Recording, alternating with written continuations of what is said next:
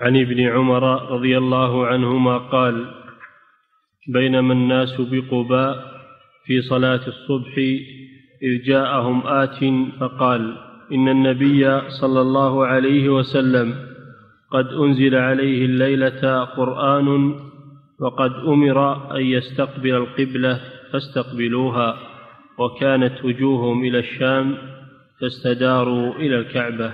نعم.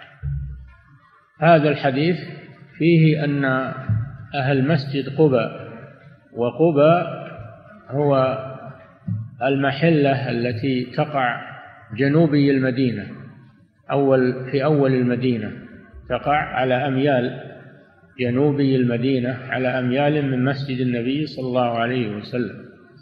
أول ما قدم النبي صلى الله عليه وسلم المدينة نزل في قباء. عند أهل قباء وأسس لهم المسجد مسجد قباء وصلى فيه صلى الله عليه وسلم. ثم تحول إلى المدينة ونزل في مكان مسجده وبناه عليه الصلاة والسلام. فهذا مسجد قباء. هو أول مسجد بني بعد قدوم النبي صلى الله عليه وسلم إلى المدينة.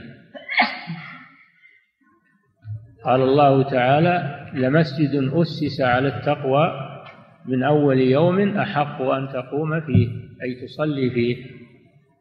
وهو مسجد قباء على المشهور. وقيل مسجد الرسول ولكن الآية عامة تشمل هذا وهذا. تشمل مسجد قباء وتشمل مسجد الرسول فهما أول مسجد أسس على التقوى. بخلاف مسجد الضرار فإنه أسس على غير تقوى. وأمر النبي صلى الله عليه وسلم بهدمه. لمسجد أسس على التقوى من أول يوم. يعني أول ما هاجر النبي صلى الله عليه وسلم بناه. على تقوى على نية خالصة لله عز وجل من أصحاب هذا المسجد وهم الأنصار رضي الله عنهم فأثنى الله عليهم وأمر نبيه أن يصلي فيه. فكان صلى الله عليه وسلم يخرج في كل سبت في كل يوم سبت يخرج من المدينة إلى مسجد قبى ويصلي فيه امتثالا لأمر الله جل وعلا. فصارت الصلاة في مسجد قبى مستحبة وأنه يقصد للصلاة فيه لأنه مسجد مبارك أسس على التقوى فيستحب لمن كان بالمدينة سواء كان من أهلها أو كان من الطارئين عليها استحب له أن يزور مسجد قباء ويصلي فيه ما تيسر. أما غيره من مساجد المدينة غيره غير مسجد الرسول من مساجد المدينة فلا تقصد للصلاة فيها وإنما هي كغيرها من المساجد ليس لها مزية. ما عدا المسجدين مسجد الرسول صلى الله عليه وسلم ومسجد قباء فبقية مساجد المدينة ليس لها مزية ولا يجوز قصدها للصلاة فيها إن هذا من البدع التي ما أنزل الله بها من سلطان. وفي هذا الحديث أن أهل قباء كانوا يصلون العصر أو الفجر على روايات في الرواية أنهم يصلون الفجر.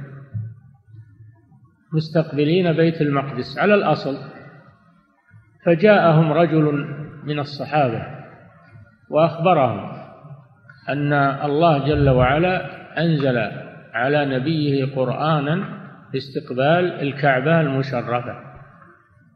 فاستقبلوها قال لهم فاستقبلوها. فاستداروا وهم في الصلاة إلى الكعبة. أول صلاتهم إلى مسجد الشام وآخر صلاتهم إلى الكعبة. فهذا فيه دليل على مسائل عظيمة. المسألة الأولى فيه العمل بخبر الواحد. إذا كان ثقة فأهل قبى عملوا بخبر هذا الواحد.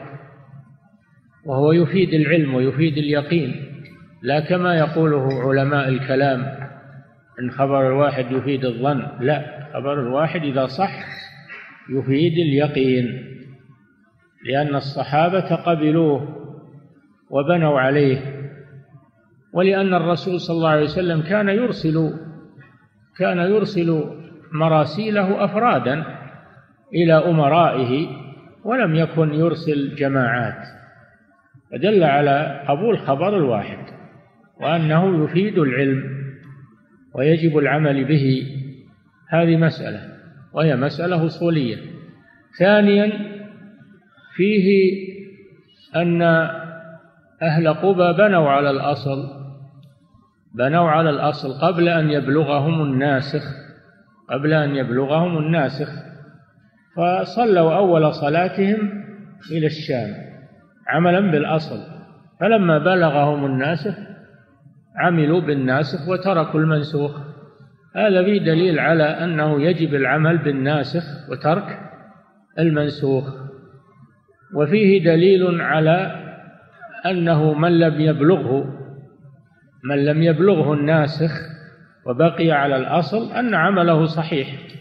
من لم يبلغه الناسخ وبقي على الأصل أن عمله صحيح. ولهذا لم يعيدوا صلاتهم ولم يكن أول صلاتهم باطلا. لأنهم قد بنوا على الأصل قبل أن يبلغهم الناسخ. فدل على أن العمل بالأصل قبل أن يبلغ الناسخ أنه عمل صحيح وأنه لا يجب التحول عن الأصل إلا بعد العلم بنسخه. وهذه أيضا مسألة أصولية أخرى. ثالثا فيه جواز الحركة في الصلاة لأنهم استداروا ولم تبطل حركتهم واستدارتهم لم تبطل الصلاة. فالحركة إذا كانت من مصلحة الصلاة أو للضرورة فإنها لا تبطل الصلاة. فإنهم استداروا وهم وهم في صلاتهم. وفي الحديث فضل أهل قبى وأنهم لما بلغهم الخبر أنهم لم يترددوا في قبوله. ولم يتساءلوا ولم يقولوا لماذا حولت القبلة؟ وش السبب؟ الواجب على المسلم أنه إذا بلغه كلام الله أو كلام رسوله أنه لا يجادل ولا يماري بل يقبل ويمشي مع الدليل من غير ما تردد. وما كان لمؤمن ولا مؤمنة إذا قضى الله ورسوله أمرا أن يكون لهم الخيرة من أمرهم. هذا هو مقتضى الإيمان والتسليم. نعم. فضيلة الشيخ يقول السائل إذا صلى الشخص إلى غير القبلة جاهلا ثم أخبره شخص نحو القبلة هل يقطع صلاته أم يستدير نحو القبلة دون قطعها؟ هذا يختلف. إن كان في بر واجتهد أب عمل جهده وتحرى القبلة وصلى إن صلاته صحيحة لأنه لا يستطيع أكثر من ذلك. ولو أخبر وهو في أثناء الصلاة فإنه يستدير وتصح صلاته. أما إذا كان في بلد فلا تصح صلاته إلى غير القبلة لأنه بإمكانه أن يسأل بإمكانه أن يذهب إلى المسجد يشوف المحاريب يشوف المحراب فهذا لا عذر له. لا عذر له في في خطئه. وجهه إلى القبلة لأنه يمكنه الاهتداء إليها. نعم. فضيلة الشيخ يقول السائل ما هو مقدار انحراف القبلة بالأمتار؟ وهل المسجد الذي انحرف عن القبلة بمقدار خمسة أمتار تجوز الصلاة فيه؟ هذه مسألة معروفة أن من كان يشاهد الكعبة فلا بد أن يصلي إليها ولا ينحرف عنها. فإن انحرف عنها فصلاته باطلة. اللي في داخل المسجد الحرام ويشوف الكعبة لا بد أن يستقبل عينها ولا ينحرف عنها. أما الذي لا يراها بعيدا عنها خارج المسجد الحرام فهذا يصلي إلى الجهة التي فيها الكعبة. ولو انحرف عنها قال صلى الله عليه وسلم ما بين المشرق والمغرب قبلة. فالبعيد عن الكعبة يستقبل الجهة التي فيها الكعبة. ولو انحرف يسيرا. لو انحرف يسيرا فالانحراف مغفور. أما إذا انحرف كثيرا وصارت القبلة وراء ظهره أو إلى جنبه فهذا تبطل صلاته. نعم. فضيلة الشيخ يقول السائل درسنا أن تحولهم كان عملا بالآية لا بخبر الواحد فكيف توجهون ذلك؟ الآية ما بلغتهم اللي بلغهم هو الواحد. هم ما سمعوا الآية من الرسول صلى الله عليه وسلم وإنما عملوا بخبر الواحد الذي بلغهم عن نزول القرآن على الرسول صلى الله عليه وسلم. فهل يقول أن عملهم بالآية؟ هذا جاهل ما يدري كيف يستدل. نعم. ما سمعوا الآية ولا حضروا نزولها على الرسول صلى الله عليه وسلم. وإنما أخبرهم هذا الصحابي فعملوا بخبره. نعم.